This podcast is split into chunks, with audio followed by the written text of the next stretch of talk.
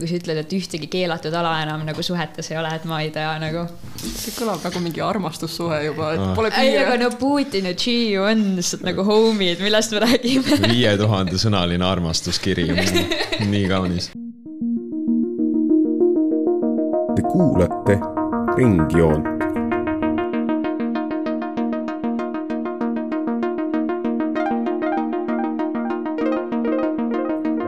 joon ringis tere kõigile, tänase Ringjoone saate teema on Hiina ja Hiina positsioonist aitavad meil aru saada meie saatekülalised Saskia. tere! ja Sten. tervist! ja saatejuht olen mina, Kairi. kuigi meie tänase saate suunitlus on Aasia-suunaline, siis ei saa me üle ega ümber ka ikkagi Ukraina sõjast, sest Hiinat võib pidada selle sõja üheks võtmeriigiks mõned eksperdid on ka öelnud, et Xi Jinping on ainus inimene, kes suudaks Putinit peatada kuid Hiina ei soovi avalikku pooli valida ning metafoorselt on ta justkui ahv puu otsas, kes samal ajal, kui teised kaklevad, saab märkamatult banaani enda kätte aga tegelikult Hiina ikkagi minu arvates on oma hoiakutest neutraalsest äh, pidada ei ole suutnud ning nende retoorika Ukraina osas on päevade jooksul ka korduvalt muutunud. aga alustame analüüsimist äkki siis enne Ukraina sõja algust et äh, kui tihedates suhetes Hiina ja Venemaa enne selle sõja algust olid omavahel? no me siin Steniga ennem natuke arutasime ja minu arvates lühikokkuvõte on see, et Putin tegi Tšiile tillika nagu tegelikult ikkagi neljandal veebruaril äh, nad allkirjastasid just enne taliolümpiamängu algusi äh, vastastike suhete lepingu, mis oli selline viie tuhande sõnaline dokument, kus muuhulgas oli kirjas see, et mõlemad riigid siis on NATO ekspansiooni vastu, tahavad luua uue maailmakorra, mille keskel oleks tõeline demokraatia, mida siis mõlemad esindavad mm. ning äh, Xi ütles, et Vene-Hiina suhetel pole enam mingeid piire piire ega ühtegi keelatud ala. nüüd vaadates, mis siis kahekümne neljandal lahti läks, ma arvan, et äh, Putin võib-olla jah, selle Hiina natukene nüüd nurka on mänginud selle leppega. nojah, kui nagu natuke mõelda selle dokumendi sõnastuse peale, siis no viite tuhandet sõna ei ole jõudnud küll läbi lugeda, on ju, aga mille alusel ta siis nagu on see defineeritud, see NATO ekspansionismi piiramine, on ju. aga nagu mõneti küüniline pool minust tahabki tõlgendada seda, et võib-olla see võiski olla mingi osaline nii-öelda lauaalune kokkulepe nendele, on ju, et, et no kuidas me piirame seda, peaks viskama läänele mingisuguse keerulise projekti sinna, aga samas ma ei tahaks kindlasti täiel määral seda äh, Ukraina olukorda seda selle taha kindlasti panna, sest äh, tundub vähemalt praeguse seisuga, kuidas sõda läheb, et see võib saada Venemaale suhteliselt siukseks enesetapuliseks projektiks ja ma arvan ja, et sellega tegelikult tuleb välja see, kuidas Venemaa ei olnud üldse valmis, et see sõda kestab kauem kui, ma ei tea, ongi tegelikult kakskümmend neli tundi, on ju.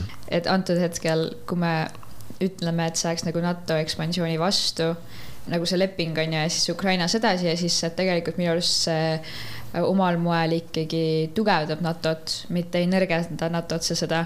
just sellepärast, et lääneriigid isegi noh, kui me räägime sellest, et Euroopa nagu esimest korda alates kahe tuhandete algusest räägib seekord tõsiselt enda sõjaväest siis tegelikult äh, see ikkagi tugevdab väga selgelt Lääne ja NATO plokki, mitte ei tee seda nõrgemaks.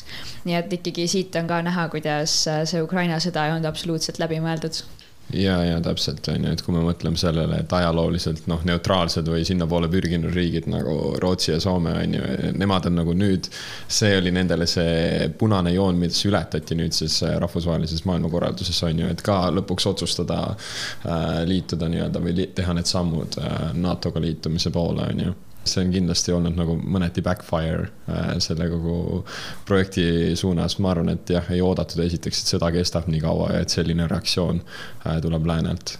Ja kui mõelda veel sellele, et siin ringlen nagu seda mõtet ka hästi palju, et see taliolümpia küsimus on ju, et sõda hakkas just pärast taliolümpiaid, et huvitav, et kas ikka nagu hiinlased palusid venelastel siis nagu kuidagi hoida tagasi ennast.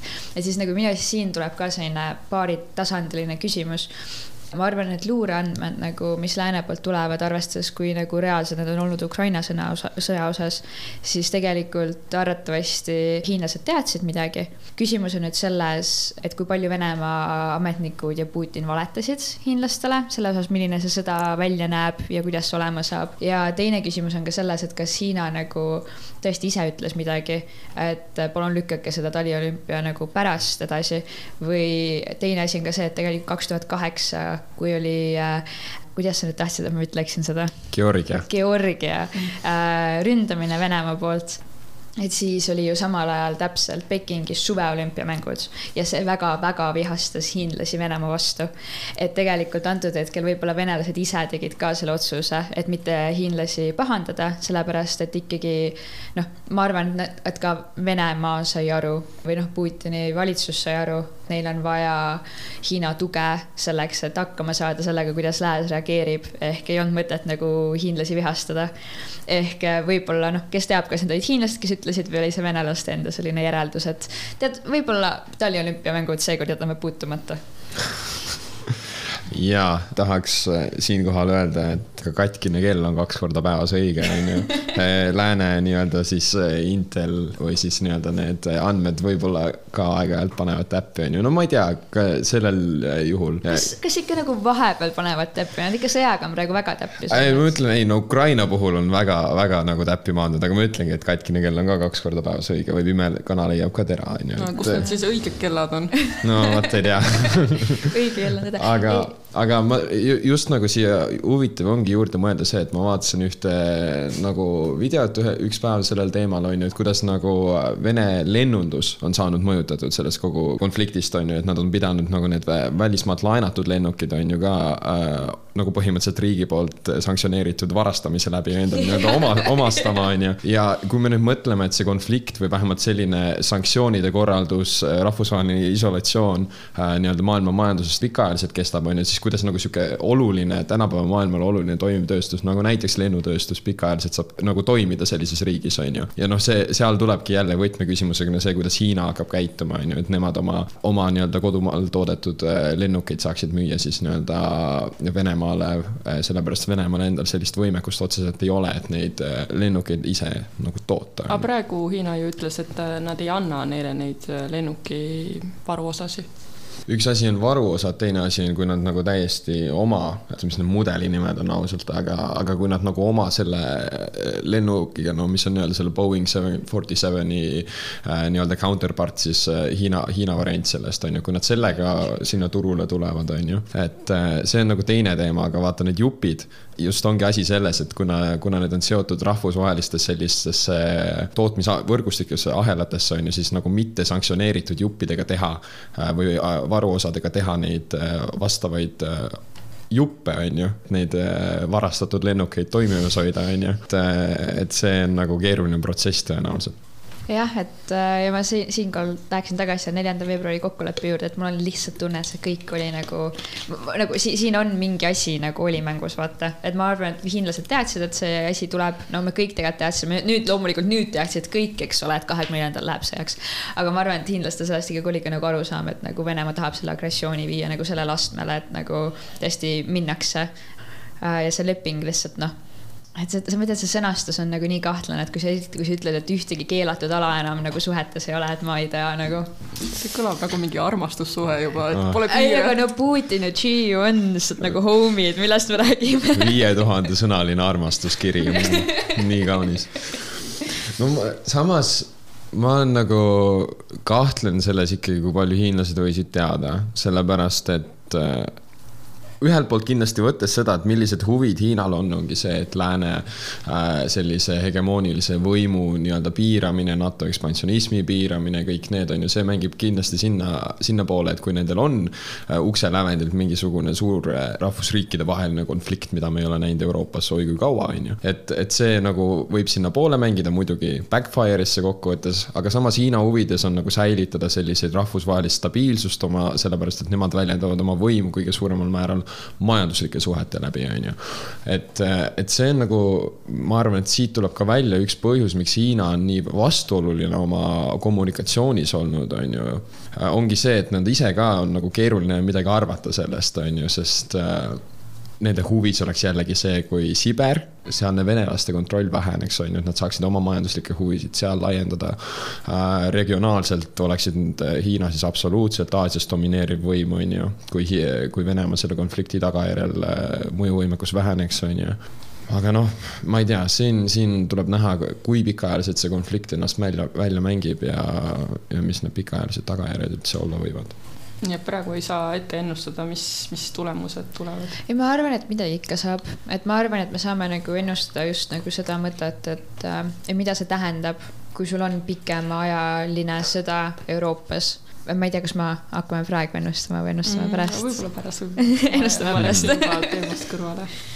aga võib-olla siis äh, lähemegi siis selle Hiina positsiooni juurde Ukraina osas, kuidas see on nagu muutunud, mis neil alguses oli ja miks nad ei taha neid pooli siis valida rohkem? et mis nad võidavad sellest, kui nad ei vali pooli? no me oleme natuke nagu rääkinud, et noh, et siin ongi, et kuna nad äh,, minu arust see peamine Hiina fookus on sellel, et pole meie territoorium, pole meie sõda. ja, ja siin nüüd hakkabki nagu juurde mängima see venelastega see armastuskokkulepe ja, ja siis nüüd noh, see enda huvi, eks ole, ka tegelikult enda positsiooni tugevdada Aasias. Ja ka see noh, see NATO vastasus on ju, et sul nagu, et noh, et reaalsus on see, et, et me noh, Hiinas on, on ju see tulemüür ja rahva seas tegelikult nad ei suuda ära hoida seda isegi, isegi selle tulemüüriga, et info ei leviks ja sul tegelikult nagu äh,, issand, ma just lugesin mingit Financial Timesi artiklit, mis rääkis, kuidas äh, eelmine nädal kuskil äh, Pekingi pargis olid kaks seitsmekümne aastast omavahel rusikatega kaklema läinud, sest nad ei olnud nõus selle üle, mis Ukrainas toimub nagu.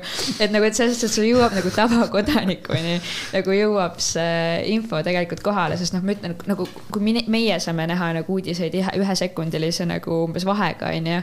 et nagu samamoodi tegelikult noh inimestel on VPN-id olemas, inimesed näevad seda, ei jõua nii kähku maha suruda seda nagu infotulva, mis Ukrainast tuleb, nii et inimestel endal on väga selged arvamused.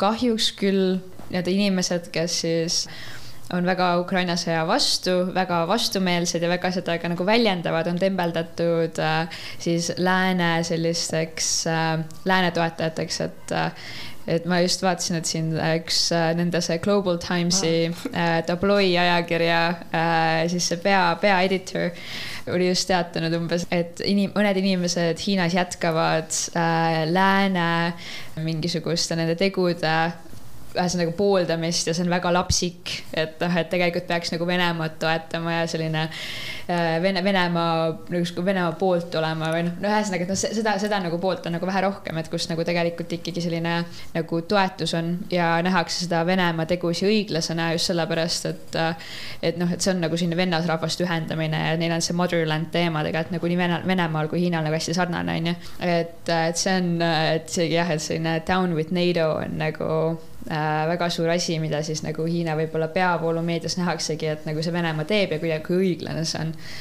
Aga, aga noh, aga see ongi see, et pooli on raske valida, kuna nagu, nagu Sten ütles, on ju, et sul on need majanduslikud sidemed, mida on vaja hoida läänega, kuna nagu tõesti majandus on see, mida Hiina kasutab enda mõjuvõimu suurendamiseks et noh, sellepärast eks ka ÜRO-s hääletuse puhul nad ju võtsid neutraalse positsiooni ikkagi, et on jäetud endale tõesti nagu neid võimalusi kuidagi olla vingerdada. vingerdada just. ja kui olukord nagu halvaks läheb, siis ikkagi taganeda kuidagi sellest toetusest nii-öelda, et selline leer nii-öelda jätta neutraalsuse leer või.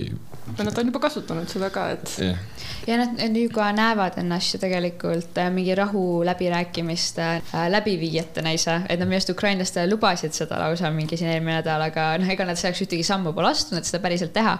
aga seda nähakse ja ma arvan, et tegelikult ka praegu äh, see lääne nagu nägemus Hiinast kui nagu just sellest kui Kachist, kui sellest, kes, sellest inimesest, kes suudab Putinit mõjutada, on nagu hiinlastele väga kasulik. see on mainekujundus. no see on, see on väga kasulik, nad saavad olla need, kes nagu, et noh, mul on Putini kõrv ja mina saaksin teha midagi, et, et kuna nagu neid nagu ära ei cancel data, vaata siis veel et hoitakse sidemeid ka Hiinaga just nagu selle lootuse pärast. ma just vaatasin ka, et kuidas USA rahvusliku julgeoleku nõunik Jake Sullivan ütles, et ikkagi Hiinat ja Venemaad on võimalik praegu vaadata nagu pandet et, et siin tema, tema silmis vähemalt nagu kahtlust ei ole, et väga suurt võimalust ei ole, et Hiina kuidagi Venemaad mõjutaks. et see oli ka minu arust noh huvitav, et, et nagu neid äh, pilke Hiinal on hästi erinevaid praegu kuidas siis nii-öelda Hiina seisukohta selles äh, võiks kirjeldada, oli Deutsche Welles üks analüütik, nime ei mäleta muidugi, ütles niisuguse huvitava fraasi, mis oli maksimaalne Venemaa neutraalne toetamine või midagi sellist, on ju, ehk siis läbi selle neutraalsuse veeli kihi ikkagi siis nagu Venemaale anda see maksimaalne toetus ja noh, seda suuresti näitab majanduslik ka see, et nad ei ole veel ikkagi mingisuguseid sanktsioone kehtestanud, on ju. et no järelikult siis selline anti-NATO läänevastane plokk või selle huvi hoidmine ja kontsentreerimine on siis nii-öelda suurem prioriteet hetkeseisuga, kui, kui isegi siis võib-olla majanduslikud sellised pikaajalised huvid, mis oleks siis nagu rohkem stabiilsuse poole, stabiilsuse säilitamise poole. mind, mind ka väga huvitab see, et kui, kui palju annaks saaks tegelikult ära teha sellega, kui vana hea Uncle Joe, Joe Biden äh, läheks äh, ära seltsimees Xiga rääkima ja vaataks, et mis sealt välja tuleb, on ju Hiina, nagu ma arvan, et äh, me kõik siin nõustume või oleme konsensusel arusaamal, et pikaajaline sõda, äh, mis ta, kui ta võiks välja kujuneda pikaajaliseks, siis Venemaa nõuab, äh, Venemaa nii-öelda ellujäämine, püsimajäämine nõuab kindlasti Hiina toetust, on ju, Hiina majanduslikku toetust, on ju. ja noh, absoluutselt Ukraina iseseisvus on väga tuginetult, tugineb väga tugevalt siis nii-öelda lääne ja eriti USA nii-öelda lethal aid'ile äh, ja üleüldiselt majanduslikule abile. et kui palju oleks siis äh, võimalik ära teha, kui need kaks poolt kokku panna, kokku saada ähm,? ma ei tea see hiinlaste puhul, et, äh, et see on hästi huvitav, et jah, et tõesti nad nagu aitavadki praegu on ju majanduslikult ja rahaliselt, et sõjalist abi nad nagu ilmselgelt ei ole osutanud aga huvitav on see, et nad ka näiteks jagavad äh, Kremli propagandat, et Washingtonis need suursaatkonnad nagu jagavad seda Venemaa disinformatsiooni ja ma nägin just hästi huvitavat, äh, üks uudis oli sel teemal, et jagati seda mõtet, et äh, USA andis Ukrainale keemia ja biorelvi, mida siis kahtlustatakse, et sellest tuleb nagu Venemaa see, mis on see wrong flag operation või mis on? False flag operation. False flag operation, just täpselt. et, et kui jah, et ühesõnaga, kui Ukrainas kuskil kuskil hakatakse või Venemaal hakatakse kuskil kasutama, et siis on teada, et, et ka hiinlased aitasid seda propagandat jagada nagu mm.. sest nad on seda natsipropagandat ka väga palju jaganud mm.. on jah äh,? Mm. noh, loogiline mm. -hmm. et jah, tõesti, et nagu aidatakse nii nagu saavad aga kas see riigimeedia kajastus, kas ta kuidagi erineb siis nagu siseriiklikult ja see, mida nagu läänel näiteks, et mul oli natukene üllatav, et ma mõtlesin, et ikka Washingtoni tasemel nad nagu sinna nagu Vene propaganda tasemele ei lange, ma mõtlesin, nagu, et kui nad on juba neutraalsed, siis oleks ju loogiline, et sa ei hakka mingit nagu Vene poolt olevaid jutupunkte rääkima läänele, et sa nagu rikub ära seda. ega ma arvan, et selles ongi vaata see probleem, mis sa ise alguses välja tõid, et nagu, et siin nagu see nende suhtumine on nii kaootiline, et nagu selles suhtes, et kuidas, kuidas sa nagu reageerid asjadele. noh, alguses nad ju olid nagu hästi, toetasid Venemaad esimesed paar päeva siis nagu järsku oli nagu oi, tegelikult ikka Ukraina. minu arust praegu see püsiv asi, mis nad on välja öelnud, on see, et nad toetavad riigi suveräänsuse kaitset, ütlemata, mis yeah. riigi. et nagu, et siin ongi see, et nagu see info nagu tuleb nagu kuidagi hästi segaselt ja, ja sellepärast ma nagu arvangi, et äh, venelased tegelikult hiinlastele tegidki tillika nagu sellepärast, et nagu okei okay,, sõda tuleb, onju, aga, aga nagu hiinlased arvasid ka, et see nagu peab kiiremini läbi saama või noh, et see, et see, et see on nagu läbimõeldud operatsioon, mis nagu saabki mingi päeva või paariga läbi, sellepärast et noh ma ei tea, kas nad oleksid muidu seda sõpruslepingut alla kirjutanud mm., sest nagu hetkel see tegelikult kahjustab Hiinat ja nagu Hiina enda nii-öelda sellise regionaalsete huvide laiendamine toetub tugevasti sellele eeldusele, et äh, jäta riigid oma siseasjades, jäta oma autonoomsed rahvad oma asjades omaette tegelema, on ju, ja siis, et nad ei olegi nagu defineerinud ära, et kes see autonoomne rahvas siin on, on ju. äkki on taimaanlased. ongi, et kellel on see õigus enesemääramisele ja olla vaba ja, ja kaitstud äh, sõjalisest ohust, on ju, et see, et nad seda välja ei ole toonud, näitab, et, äh, et äh, noh, see kuidagi räägib nende enda sisemisele loogikale vastu, on ju ja mul on tunne, et siin on ka see, et tegelikult see G ja tema nõunikud on ka natuke erinev asi, nagu ma esimest korda nagu mina nagu näen nagu seda kihistust ka natukene, mis nagu Venemaal on ka no onju, et noh, et sul on Putin ja on tema nõunikud, kes ei pruugi nagu kõik olla sama meelt. et nüüd nagu tegelikult see, et ikkagi Xi ja Putin saavad omavahel väga hästi läbi, aga ma saan aru, et ka tegelikult seal nõunike seas Hiinas endas on tekkinud nagu mõned nagu lahkhelid, vähemalt on tulnud nagu läbi mingid nagu. millest see väljendub sinu meelest uh,? no kasvõi seda, et uh, kurat, ma just lugesin mingit artiklit selle kohta, et sul ongi, et sul nagu tegelikult on ka nagu kõrgeid Hiina ametnikke, kes on nagu äh, mitte nagu otseselt kritiseerinud, aga nagu noh, öelnud nagu võib-olla natukene karmimalt seda, et nagu see, mis nagu Venemaa teeb, võiks nagu hukka mõista, vaata. aga samas ma arvan, et Xi nagu ise ei ole vaata mitte midagi öelnud. et sul nagu selles suhtes nagu seda äh, vastumõtlemist on nagu ka sellel teemal Hiina sees nagu päris palju hmm.. jaa no huvitav oleks tõesti näha, et kui Xi lõpuks mingi ametliku väljaütlemisega tuleb, et mis selle sisu siis nagu on, on ju, et praegu me näeme, et meedias selliste Vene talking point'ide nii-öelda korrutamine no see on mõneti jälle lähtub sellest eh, nende huvist nii-öelda lää-, lääst, kanoonilist sellist eh, traditsioonilist lääst õõnestada, on ju, see on nagu veel mulle kuidagi arusaadav, on ju. aga, aga see on jah, väga võimalik, et nagu erakonnasiseselt seal ise nendel on nagu arusaamatused, kuidas käituda sellega, on ju, et seal kindlasti võib ollagi selline, et seal majanduslik fraktsioon on ju, kes nagu näevad seda peace and cooperation eh, narratiivi selle läbi oma jõudu kasvatada ja siis teised, kes vaatavad sellise traditsioonilisema geopoliitika poliitilise sõprade ja vaenlaste selle pilgu läbi seda olukorda, et äh, tegelikult see on jah huvitav, mis siin lähipäevadel võib tulla sealtpoolt et ma leidsin selle nime ülesse, et sul oligi Hu Wei, kes siis on äh, asepresident Hiina valitsuse, keskvalitsuse nagu selle äh, Public Policy Research Center'il. et tema mm -hmm. nagu oli üks nendest, kes näiteks ütles, et peaks nagu lõpetama igasuguse Venemaa toetamise. et noh, et sul nagu tuleb neid nimesid välja et Xi äh, lubab oma nõunikel ja ametnikel ikkagi suud avada. ei no tundub, et pigem mitte. tegemist on demokraatiaga ikkagi olema, olema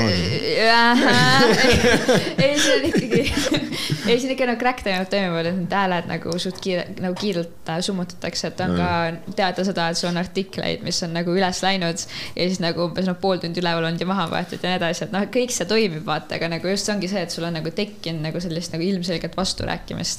ka nagu sel teemal näitab, et äh, näitab minu arust, et, et see ei olnud nagu see, mida hiinlased ootasid. Nad ei olnud ette valmistunud, aga kas üldiselt nende see neutraalsuse poliitika või kommunikatsioon, kas te arvate, et see on praegu edukas siiani olnud?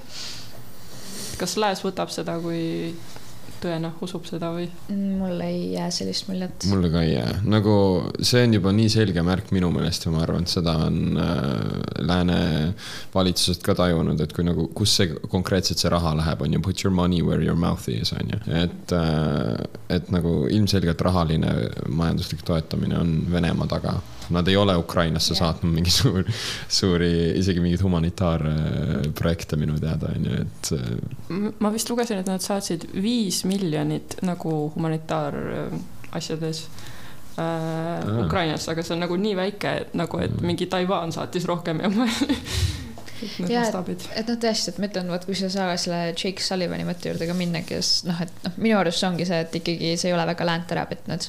et see lootus on, et äh, G nagu võiks seda Putini kõrva sosistada midagi, aga ma tunnen, et sellest ka nagu väga ei hoita kinni nagu siis, siis peabki mõtlema, et mis see, mis see nagu tagasitee oleks Putinile praegu, et see ongi selle konflikti sürreaalsus on see, et siin on nagu, see on täiesti ju mindud selle peale, et nagu üks, üks asi peab nagu väga tugevalt järgi andma ja nagu see geopoliitiline korraldus Euroopas on peale seda vaieldamatult oluliselt muutunud, on ju, sest nagu mis oleks see äh, gradual humanitarian, ma ei tea, mingisugune viisakas viis, kuidas sa, kuidas Putin taganeks Mm. praegu sellest konfliktist, sul ei ole sellist ta ei lahendust. saagi taganeda, see on ego küsimus antud hetkel mm -hmm. ja ta on nagu nii palju haiget saanud ja siit ta taganeb ainult jalad ees nagu.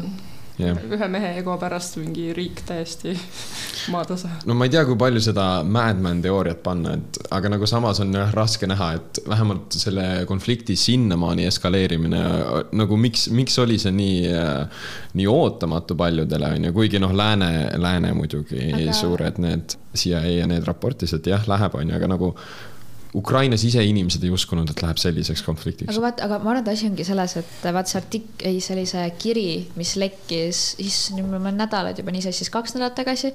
vaata see, kus see sise, sisetöötaja Venemaa valitsuses vaata kirjutas nagu see, kes analüütik oli, kirjutas oma selle kirja, et kuidas neilt ju umbes äh, paluti, et et noh, et meil ei lähe sõjaks, aga kui meil läheks sõjaks, siis nagu, mis te arvate, kuidas meil läheks ja siis noh, kui sulle öeldakse, et meil ei lähe sõjaks, aga nagu kuidas meil läheks, siis sa ju noh, kirjutad nagu kõige positiivsemalt, onju. et sa nagu tahad, et lihtsalt su nagu ülemused su nagu rahule jätaksid, sa kirjutad midagi valmis, mis on nagu täielik, ma ei tea, piimajõed ja pudrumäed, onju ja siis tuleb päriselt seda ja see, mis sa kirjutasid, ei ole reaalne, sest see oli ainult sinu ametnike nagu maha rahustamiseks Jah. aga selle lausul hakatakse sõda pidama. et ma arvan, et mul on tunne, et siin on nagu hästi palju seda ka, et nagu äh, Venemaa nagu ise ei saanud enda võimetest aru või lihtsalt hindas neid nii tohutult üle. ja, ja sellepärast läkski, sest mitte keegi ei ootanud, sellepärast et see ei ole reaalne, et nad teeksid seda, aga nad teeksid seda, kuna nende see reaalsus oli twisted. No allikakriitilisus siin kindlasti on olulisel kohal, on ju, et me, megi noh, ei tea ju hetkel selles sõjaleeris, on ju, et mis on nagu päris, mis on nagu leaked information sealt tuleb. ai Aga..., see, see kinnitati ära. see kinnitati ära, okei okay.. no sel juhul jah, siis see on noh, autokraatiatele on see tüüpiline, on ju, et sul ongi, mis, kuidas need probleemid tekivad, ongi see, et sul on vaja oma ülem, ülemaid äh, nii-öelda heade tulemustega kuidagi äh,, sa ütlesid rahustada, võib-olla noh, siis heameelt teha, et no sinu promotion sõltub sellest, et sina toodad häid tulemusi, on ju. ja, ja sellise võib-olla siis moonutatud pildil, on ju, aga ma arvan, moonutatud pildil või see on siis nii-öelda selle eeldus selle sõja alustamiseks mm -hmm.. võib-olla selline nii-öelda autokraatia viga esineb ka Hiinas siis selle tõttu, et esiteks seal olid eriarvamused, on ju, selles, et mis, mis need Venemaa võimukus, võimekused on, on ju, et kuidas see geopoliitiliselt mõjutab seda olukorda ja noh, muidugi ei nähtud ette, et see sõda nii kaua kestab, on ju. see võib siis ka üks suur osa olla selle taga, et miks see message, messaging Hiina poolt on tulnud no täielik katkofoonia, on ju, et nagu möödarääkimine oma viimasest nagu sellest ütlusest põhimõtteliselt, on ju jah, seda viimast juttu kuulates ma lihtsalt tahaks öelda, et äh, kena kuud sõda meile, täna on kahekümne neljas märts, et täpselt kuu aega tagasi me istusime siinsamas ja tegime seda esimest Ukraina saadet oh,. jaa, täitsa lõpp. loodan, et me varsti ei pea enam neid tegema. ja äkki kahekümne neljandal aprillil ei pea. ma ei tea, üks huvitav mõte veel, mis mul nagu oli äh,, oli sellega osas, et seesama neutraalsuse küsimus on ju, et mi, kuidas nagu miks üldse siis Hiina nagu on seal, et miks ta nagu ei ole seda täiesti ära nagu kinni pannud või mis nagu sealt Hiina vaata saaks. ja siis ma nagu mõtlesin sama, samale asjale, mis ma ennem ütlesin, on ju, et noh, et see mõte, et nagu pole meie territoorium, pole meie sõda ja pärast seda tulevad kõik nagu kalkulatsioonid. ja siis ma hakkasin mõtlema välja, et mis need nagu erinevad võimalused siis on, et kuidas nagu Hiinal läheks ja ma mõtlesin neli tükki välja, mida ma teiega jagaksin hmm. et üks asi on see, et on ju, et see on strateegiline võimalus Hiinale sest mida kauem sõda kestab, seda nõrgemad on Venemaa, Euroopa ja USA. mis on nagu natuke selline roosad prillid minu arust, et äh, võib-olla ongi võib-olla see, mis nagu Hiinas nagu kõige rohkem ka on praegu, on ju, et, et see sõda nõrgestab nagu Venemaad, Euroopat ja USA-t, mille tänu siis, millele Hiina saab, ma ei tea äh,, Vene turult kuidagi hästi odavalt asju ja mida kõike veel siis teine, mis oleks negatiivne, oleks see, et mida mina näen võib-olla rohkem reaalsena, mis on võib-olla ka, kui stand-up mulle kohe öelda, et minu propagandaprobleem et, et seda suurendab hoopis Euroopa integratsiooni, kaasa arvatud siis sõjalist, mis tähendab, et see tõstab Euroopa Liidu iseseisvust USA-st ning vabastab seega USA ressursse, mis praegu on tegelikult USA hästi palju panustab Euroopa sõjalisele nagu toetamisele mis tähendab, et USA saab suurendada enda pööret Vaiksele ookeanile, mida tegelikult on juba proovitud viimased nagu kümme-viisteist aastat teha tegelikult juba Obama ajal. et, et see nagu tegelikult oleks Hiinale mega kahjulik, kui USA nagu saab järsku endale ressursse juurde, et sinnapoole pöörata.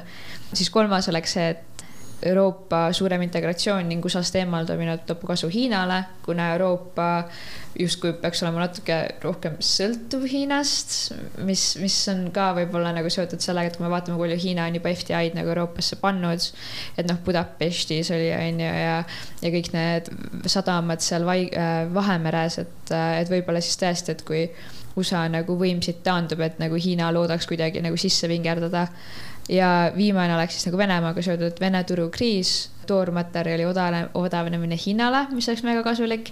ja siis teine, mis meil kunagi vist loengust käis ka läbi siin viimase kuu aja jooksul, et, et Venemaa võtaks või see lihtsalt Hiina võtaks Siberi ära, mis tegelikult on nagu see, et kas neil on päriselt vaja seda teha, kui nad juba majanduslikult selle on nagu ära võtnud, aga see oleks huvitav, et kui meil on hoopis äh, hiinlaste Siber nagu.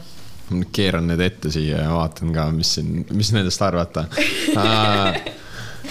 Venemaa ja Euroopa ja USA nii-öelda nüristavad oma hambad selle ürituse käigus ära ma ei tea, kui, kuivõrd palju USA, sest nagu okei okay,, nad saadavad relvi, majanduslikku toetust potentsiaalselt on ju. Äh, Euroopal on nagu selge asi, et seal meil on tegeleda immigrantide kriis ja Venemaa paneb oma otsest sõjalist ressurssi ja noh, kui, kui Ukrainas saab mingisugune Afganistani-laadne olukord, kus on tõesti destabiliseeritud äh, piirkond, kus on noh, igal äh, naisel ja lapsel AK on ju, siis, siis võib nagu tõesti tekkida sellest suured probleemid Euroopale. aga see, et integratsioon suureneb sõjalisel mastaabil mastaabis, see, mis sul nagu järgmine punkt on ka, ma arvan, et see on väga äh, õige hinnang, on ju, et äh, Euroopa Liidu armee, ma arvan, on tõesti see. aga kuivõrd palju see vabastab nii-öelda Ameerika neid äh, ressursse, on nagu omamoodi küsimus, sest nad tahavad ikkagi säilitada oma nii-öelda hegemoonilist võimu üle aga Euroopa. samas ju USA on juba ammu rääkinud seda, et Euroopa peaks enda kaitsmisele ise rohkem panustama, et nemad saaksid tagasi tõmmata mm. -hmm. no okei okay,, jah, see on ka võimalik käik, on ju ja no see on loogiline, nad tahaksid panustada rohkem ressurssi Vaiksesse ookeanisse, et Hiinaga võidelda, aga ma vaatan, ma ei näe, kuivõrd palju see võitlus või vastasseis Hiinale saab olla üldiselt mingisuguse sõjaliku, sõjalise avenue läbi, on ju. no see äh, Lõuna-Hiina meri on see koht, kus nagu ikkagi nagu on maid jagada, ütleme nii, või noh mm -hmm., neid tekitatud maid. jah, neid saareriike, või saareriike, saari jah, aga ma arvan, et ikkagi suurem andmine USA ja Hiina vahel saab olema ikkagi majanduslikus väljas, on ju, ja noh, sealt praegu me näeme, et Hiina teeb ikka meeletuid äh, samme oma Belt and Road Initiative'i ja Aafrika nii-öelda äh, integreerimine oma majanduslikku huvisfääri, on ju. et, et noh, need saared kindlasti, see on võib-olla just see petrooleumi ja nafta ja gaasi küsimuses on, saavad oluliseks just see Lõuna-Hiina äh, meri aga noh, keeruline on jälle ette kujutada, et USA ja äh, Hiina vahel tuleb mingisugune konflikt, on ju, ikkagi tuumarelvad, on ju, tuumavõimekustega riigid. võib-olla Taiwan'i küsimus Taiwaniga. siis muutub Hiinale oluliselt valusamaks, kui USA saab fokusseerida oma ressursid suuremal määral sinna piirkonda suurema sõltuvuse näos. aa jah, miks mitte, Euroopa juba praegu liigub osaliselt sinna suunas, on ju, aga nagu samas, kui Euroopa on rohkem integreeritud ja rohkem iseseisev majanduslik plokk, siis äh,, siis võib-olla nende huvid, sellepärast et kui me oleme näinud, et Hiina on liikunud Euroopasse, siis see on üldjuhul olnud küll selliste kriisi ja problemaatiliste riikide puhul äh,. endine Ida-Euroopa. Ungari. Ungari äh, kriisiaeg, noh, kriisi poolt defineeritud Kreeka on ju äh,, Tšehhia või Tšehhi, issand jumal, Tšehhi jah äh,, ja siis äh,. Tšehhi puhul võib öelda, et äh, nad tegid need lepingud hiinlastega ootasid sealt suuri investeeringuid, ei tundnud midagi. Vene turukriis. toormaterjali odavnemine jah, absoluutselt on ju, et Vene, Vene majandus, no mis sellest järgi jääb, on ju, eks me näe, on ju. aga kas te arvate, et Hiina suudab Venemaale siis ikkagi nagu majanduslikult neid siis nagu aidata või nagu, et need nagu riik ikka jääb normaalsusele tasemel, et kas Hiina suudab neid aidata? vot seda ma ei usu, sest ma tegelikult nagu, ma ei tea, lihtsalt mul on nagu tunne, et hiinlased on ikkagi natuke rohkem selline ah, kuidas ma ütlen. jah, see on ikkagi noh, cutthroat vaata mäe koha pealt onju. ja nagu see küsimus ongi see, et kui sul on nagu okei okay,, sul võib olla see armastuskiri tehtud Xi ja Putini vahel onju. aga kui sul on nõrk riik, kes on sinust sõltuvuses, kuhu sa saaksid hakata ostma kokku odavalt toormaterjali, siis mille kuradi pärast sa ei peaks seda ära kasutama ja nagu ma arvan, aga see ongi see probleem, et kui sa hakkad ära kasutama, siis ju noh, nagu see jääbki niimoodi Vene, Venemaa surumine nagu selleks äh, perifeeriaks lihtsalt, mul on tunne, on see, mis nagu Hiina hakkaks tegema. siin nüüd mõelda Venemaa peale, siis noh, Vene majandus, mis oli enne kriisi, oli umbes sama suur kui Hispaania oma, onju. et ta nagu on juba perifeeria, aatompomming. et, et see on nagu üks, üks asi, et ta tegelikult ei ole niivõrd nagu nõudev majandus, mida üleval nii-öelda siis pidada, aga vaata, siin on nagu ma arvan, et hea paralleel oleks Põhja-Korea. Põhja-Korea ongi täpselt selline riik, kes totaalselt sõltub praktiliselt ainult Hiina sellest eh, armust, onju ja täpselt samamoodi nad kasutavad odavat toormaterjali, tööjõudu kasutavad ära Siberis kasu-, või mitte Siberis, nad käivad siis ehitamas seal kuskil Sise-Mongoolia piirkondades isegi asju. Euroopas käivad. jah, isegi Euroopas selle läbi nende kontraktorite, et see, selle läbi kindlasti võib see ikkagi nagu edasi roomata see majandus, aga ma arvan, et lihtsalt nagu Venemaa puhul vaadates, milline see olukord praegu on, et seal tulevad teised faktorid enne mängima, et võib-olla ongigi mingi paleepööre või, või mis iganes seal juhtuda võib, on ju, Venemaa lihtsalt majandus jookseb enne nagu verest tühjaks. see on see, mis mind kogu kõigi nende vestluste juures huvitab, mis mul viimase kuu aja jooksul on olnud, on see, et kui tuleb sõna paleepööre, siis see nagu järsku parandab kõik ära. ja vaat see on see. vähemalt konflikt lõpeks Ei, aga- aga- oodatavasti. oodatavasti, aga see ongi see, et nagu, et mul on tunne, et meil on nagu see, et me arutame, me mõtleme tulevikule, siis meil tuleb sõna paleepööre ja siis järsku nagu mm. -hmm. siis tuleb demokraatia. ei, Ei, ei, ei, nagu, ega ma ei ole veel enda jaoks nagu läbi mõtestanud, et mi- mis seal teisel pool paleepööret tuleks siis, siis ma olen nõus, et jah, et nagu okei okay,, relvad vaikiksid nagu vähemalt nagu hetkeks on ju. Aga küsimus on selles, et nagu okei okay,, Venemaa maine on nagu ikkagi nagu seal laual on ju. küsimus ongi see, et kui see uus juht oleks selline nagu oli, on ju meil kaheksakümne üheksandal aastal, kas toimuks nagu sama asi või? et sul on nagu see, et, et see uus, uus nagu juht, kes pannakse, et tema siis nagu taganeks Ukrainast, saaks Nobeli rahupreemia, et nagu Euroopa pinnal lõpetati sõda ära.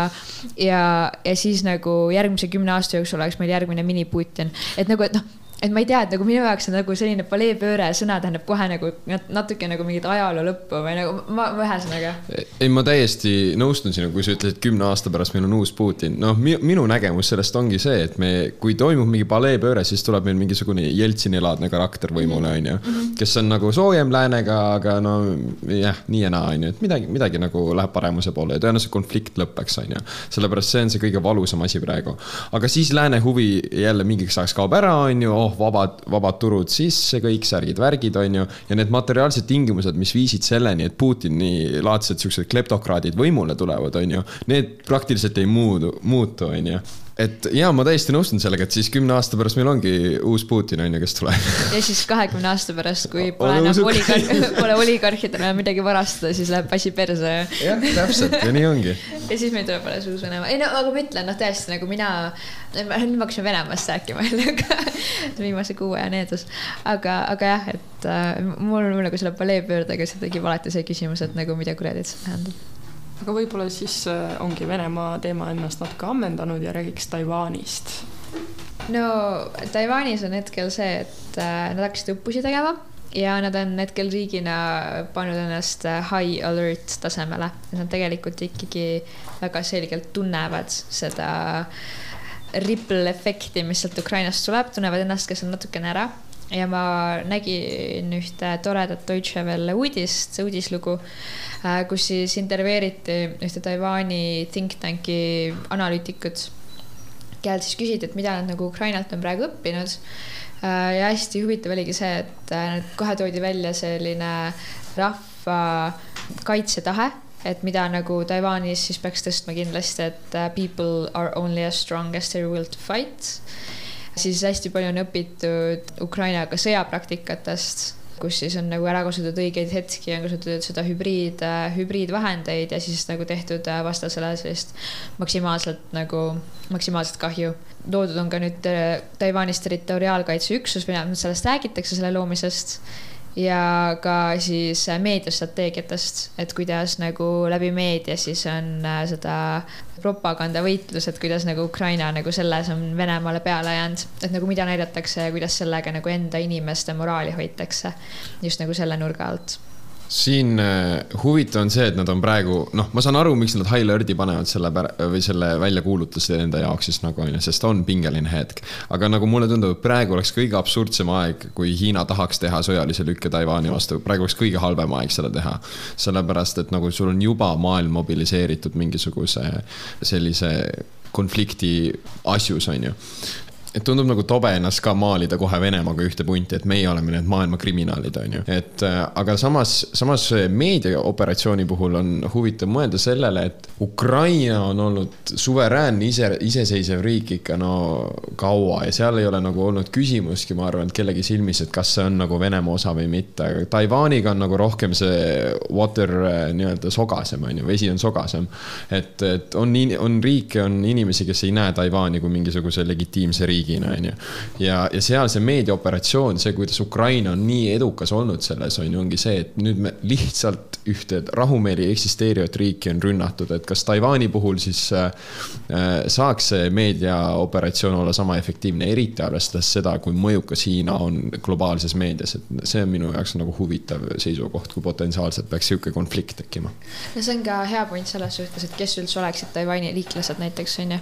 väga aus, ma pean nüüd äh, eetris kohe välja ütlema, et ma kuu aega tagasi siinsamas stuudios vist ütlesin midagi sellist, et võib-olla Taiwan on nüüd järgmine, kes võetakse Ukraina sõja val-, nagu varjus ära. aga ma tegelikult olen Steniga nõus, et ma, ma olen nüüd selle peale natuke mõelnud ja ma arvan, et hetkel seda teha oleks väga loll, nii et, nii et ma nüüd äh, parandasin enda vea kuu, kuu ajast. aga, aga jah, et kui mõelda sellele üldse, et kes oleksid Taiwan'i liitlased, siis noh, teine probleem on ju veel ka sellega, et äh, kui Ukrainal on maapiir teiste riikidega, siis Taiwan on saar ja, või noh, poolsaar ja Taiwanil kogu abi, mis peaks tulema, peaks tulema nagu põhimõtteliselt läbi õhu et tegelikult nagu see Taiwan'i olukord on ikka nagu ka selle, noh, kordades läkasem nii-öelda sõprade osas, kui Ukrainal oli. ja huvitav areng, mida nad ise nagu, nad on seda ise tunnistanud ja on öelnud, et nad peaksid hakkama looma endale sõjareservi, kus olekski siis nagu noh, nii nagu räägime. Ammunition. jah, ammunition, sorry, yes äh,. mis see siis on, oota, mis see eestikeelne sõna on? Moon, laskemoon. et luua siis sõjareservi, kus oleks nii nagu laskemoona kui siis ka noh, äh, toitu ja kõik sellised nagu asjad, mida nagu noh, mida siis nagu vaja oleks. Nad ise ka on seda nagu tunnistanud, et äh, et arvatavasti neil oleks nagu selline abi tuleks pigem ka sellise noh, intelligence ja selline nagu välise abi näol, mitte nagu sellist sõjalist abi, nagu ka praegu Ukrainal on, et nagu hästi palju üritavad ennast ette valmistada selleks, et olekski nagu valmis ise seisma, siis kui neil tuleks nagu abi just selliste alternatiivsete versioonidega aga kas taiwanlased on sama tugevad, kui on ukrainlased kaitsma oma riiki? mis sina arvad? Ma arvan, et nad äh, väga paljud on mõjutatud äh, ikkagi Hiina poolt, et äh, võib-olla riik ei ole nii armas neile mina olen Taiwan'i iseseisvuse koha pealt pikas perspektiivis väga pessimistlik mm. -hmm. et äh, seal on ikka, no me räägime riigist, kus, kus sul ei ole kohe sellist lääne äh, nii-öelda toetusega riiki kohe juures, on ju, et seal on ookeani poolt eraldatud USA ja sellised pikad logistilised liinid, no sa peaksid mingi aircraft carrier idega mingisuguseid äh, vahendeid sinna viima, et see no on, potentsiaalselt Jaapan, Lõuna-Korea on. okei okay,, jah, potentsiaalselt, ma ma, ma ei tea, kui tugevad nende sidemed on, sellepärast et noh, nendel on ju mõneti valus ajalugu sellega, et äh, Hiina, Jaapan on Hiinat terroriseeris teise maailmasõja jooksul ja ma ei tea, kui, kuivõrd sõbralikud nad praegu on, et ma ei ole sellega väga hästi kursis mis puudutab siis jah, Taiwan'i pikaajalist iseseisvust, siis äh, seal on ikka olukord oluliselt keerulisem. see on nagu lääne jaoks juba kaugem asi ka, on ju, et nagu Ukraina on kohe siin, on ju ja nende enda võimekus ja nagu arvestades seda, et Taiwan on kasvanud, Taiwan'i kodanikud, noored on kasvanud üles ikkagi suhteliselt vabas läänelaadses ühiskonnas, et see, see tahe minna nüüd kaitsma riiki kui sellist, on ju. kas see, kas see on sarnane nagu Ukraina puhul, Ukraina puhul nad lõikasid meeletut kasu ka sellest, et kui, kui see sõda oleks juhtunud kaheksa aastat tagasi, kui juhtusid need Donbassi piirkonnas need ülestõusmised, siis Ukraina ei oleks praegu sellises seisus, nagu nad oleksid, on ju, et suudavad ennast üleval hoida, et nemad meeletult lõikasid kasu tegelikult sellest, et nad said selle, nende aastate jooksul üles ehitada oma võimekust, on ju. Taiwan'i puhul nad võib-olla nüüd võtavad jah, seda Ukraina olukorda mõneti oma õpetusloona ja võivad ka hakata üles ehitama sellist äh, võimekust, aga, aga kindlasti see on juba poliitiliselt keeruline otsus, eriti noh, demokraatiates on ju, et panna suuri koguseid SKT-st äh, sõjaväe poole ja ja see poleks kindlasti ka nii vahetu, eks ole. et, et siiski kaks tuhat neliteist ukrainlased tõesti nägid, nagu ise Jah. nägid kohe ja see on nagu hästi värskelt mälus, et ma arvan, et see on hea point, aga aga noh, Taiwan'i puhul on ju see ka, et, et Taiwan'is tegelikult see nagu täppistööstus, mis neil on, on nagu, mis nad teevad kiipe teevad. just, et nagu, et selles suhtes nad on ikkagi nagu olulised Hiinale, tervele maailmale on ju, aga et nagu ma arvan, et seal nagu see sõda ei saakski välja näha selline, nagu ta Ukrainas välja näeb mm. Mhm. ja sul hakatakse nagu pommitama, sellepärast et seesama globaliseerunud maailm on need tööstusahelad, on ju, nagu see, see ei saaks kohe, noh, see ei saaks selline välja näha.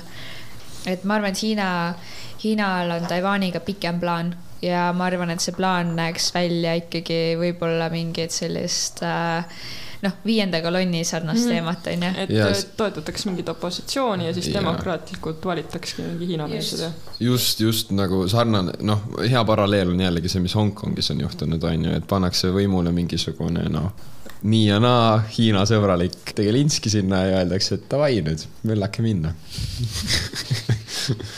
et jah, võib-olla viimase küsimusena, kas te siis arvate, et Taiwan võib USA-le loota, et kas USA läheb appi? vot see on selline, ma, ma arvan, siin on selline kerge moraali küsimus seotud äh,, ma ei teagi, ühesõnaga mul on tunne, et siin on küsimus selles, kui paljud taiwanlased ise ennast kaitsma hakkavad. Kui me räägime sellest, et päriselt lastaks mingisugused äh, Hiina-meelsed pukki ja see asi toimuks nagu pika aja peale, kus nagu arvamus muutub, on ju, siis USA-l ei ole mitte midagi teha. kui see asi näeb välja niimoodi, et sul on väga tugev äh, vastuliikumine näiteks Hiina võimule ja see asi oleks kuidagi, muutuks vägivaldseks samamoodi nagu kodaniku vastu ja tekiks selline moraalne nagu, nagu surve. Nagu Hongkong umbes. jah, jah, nagu, aga kui, kui oleks nagu, nagu Hongkong, aga see oleks nagu selline nagu veel karmim või nagu natuke pikemalt nagu välja venitatud, vaata. et kui sul see human suffering muutuks või see vastupanu liikumine muutuks nagu selliseks, et sul on nagu rahvusvahelise kogukonna surve, siis ma arvan, et USA sekkuks kindlasti. kui sul on kiire sõjategevus, ma arvan, et sellisel juhul mitte. kui puudut-, kui jah, me räägime sellisest pikaajalisest strateegiast, siis ma arvan, et noh, ma ei, ma ei kujuta ette, ma, ma nagu ei näinud, et oleks mingi erilist, erilist sekkumist olnud nii-öelda kodanikuühiskonna poolt äh, seal Tai- äh,, Hongkongis ja ma ei näe, noh, Hongkong on natukene teine olukord ka kindlasti, ta on ikkagi Hiinale nagu formaalselt kuuluv territoorium no ka. keegi ei ootanud ka seda tegelikult, no kuidas ma ütlen, et, et minu arust nagu see oligi see, et me vaatasime Hongkongi ikkagi suht-koht käed laiali kõrval, sest see oli nagu esimest korda, kui nagu nii otseselt midagi sellist juhtus. mm. -hmm. noh, muidu jah, algne plaan oli see, et mis see on mingi kaks tuhat nelikümmend kaheksa või mis iganes aastal see võis olla, et Hiina ja oli aega, aga juba hakati see extradition bill sellega sekkuma, onju. Aga huvitav on, ma arvan, mõelda siukse traditsioonilise konflikti peale, onju, sest no Hiina ikkagi teeb oma nii-öelda õppusi, onju, ja noh, me teame, kuidas õppused Venemaa näitel kujunevad ümber hoopis millegagi muuks, onju. et, et tegelikult eh, nii palju, kui analüütikute mingi arvamusi ma olen eh, vaadanud, siis Hiina regionaalselt on oma, oma Aasia regioonis on nad võimekamad kui USA-l ka nii-öelda kaugelt seda sõda pidada nende vastu. samas on küsimus aga selles, et äh, Hiina äh, sõjavägi ei ole mingit otsest sõjalist konflikti pidanud noh, neljakümne üheksandast aastast on ju pra- praktiliselt, ei par- parandan nad noh, Vietnamis ikkagi midagi tegid seal ka vahepeal. aga nad, nad ei ole sellisel võimekusel, nad ei ole nii kogenud, nagu on mingid äh, Ameerika väeosad on ju, kes noh, kogu aeg peavad, peavad sõda ja pommitavad, pommitavad lapsi seal kuskil Lähis-Idas on ju, et äh, see ei ole naljakas, aga see on rahulik. et äh, et selles suhtes jah, aga nii palju, nagu ma aru saan, siis äh, isegi seal olukorras, kui USA sekkuks, siis nende võimekus midagi teha võib olla väga piiratud. noh, ennustatud on, et siis, et äh, Taiwan'i võtmise jaoks äh, on äh, Hiina armee valmis umbes kaks tuhat kakskümmend viis, kakskümmend kuus, nii et äh, ootame paar aastat, vaatame mis, mis äh, võib-olla teeme uue ringjoone saate. Aga ma arvan, et sellega tõmbame tänase saate kokku. aitäh, et kuulate Ringjoont ja hoidke ennast Hiinaga edasi ka kursis. Kena kevadet! Purgis, head kevadet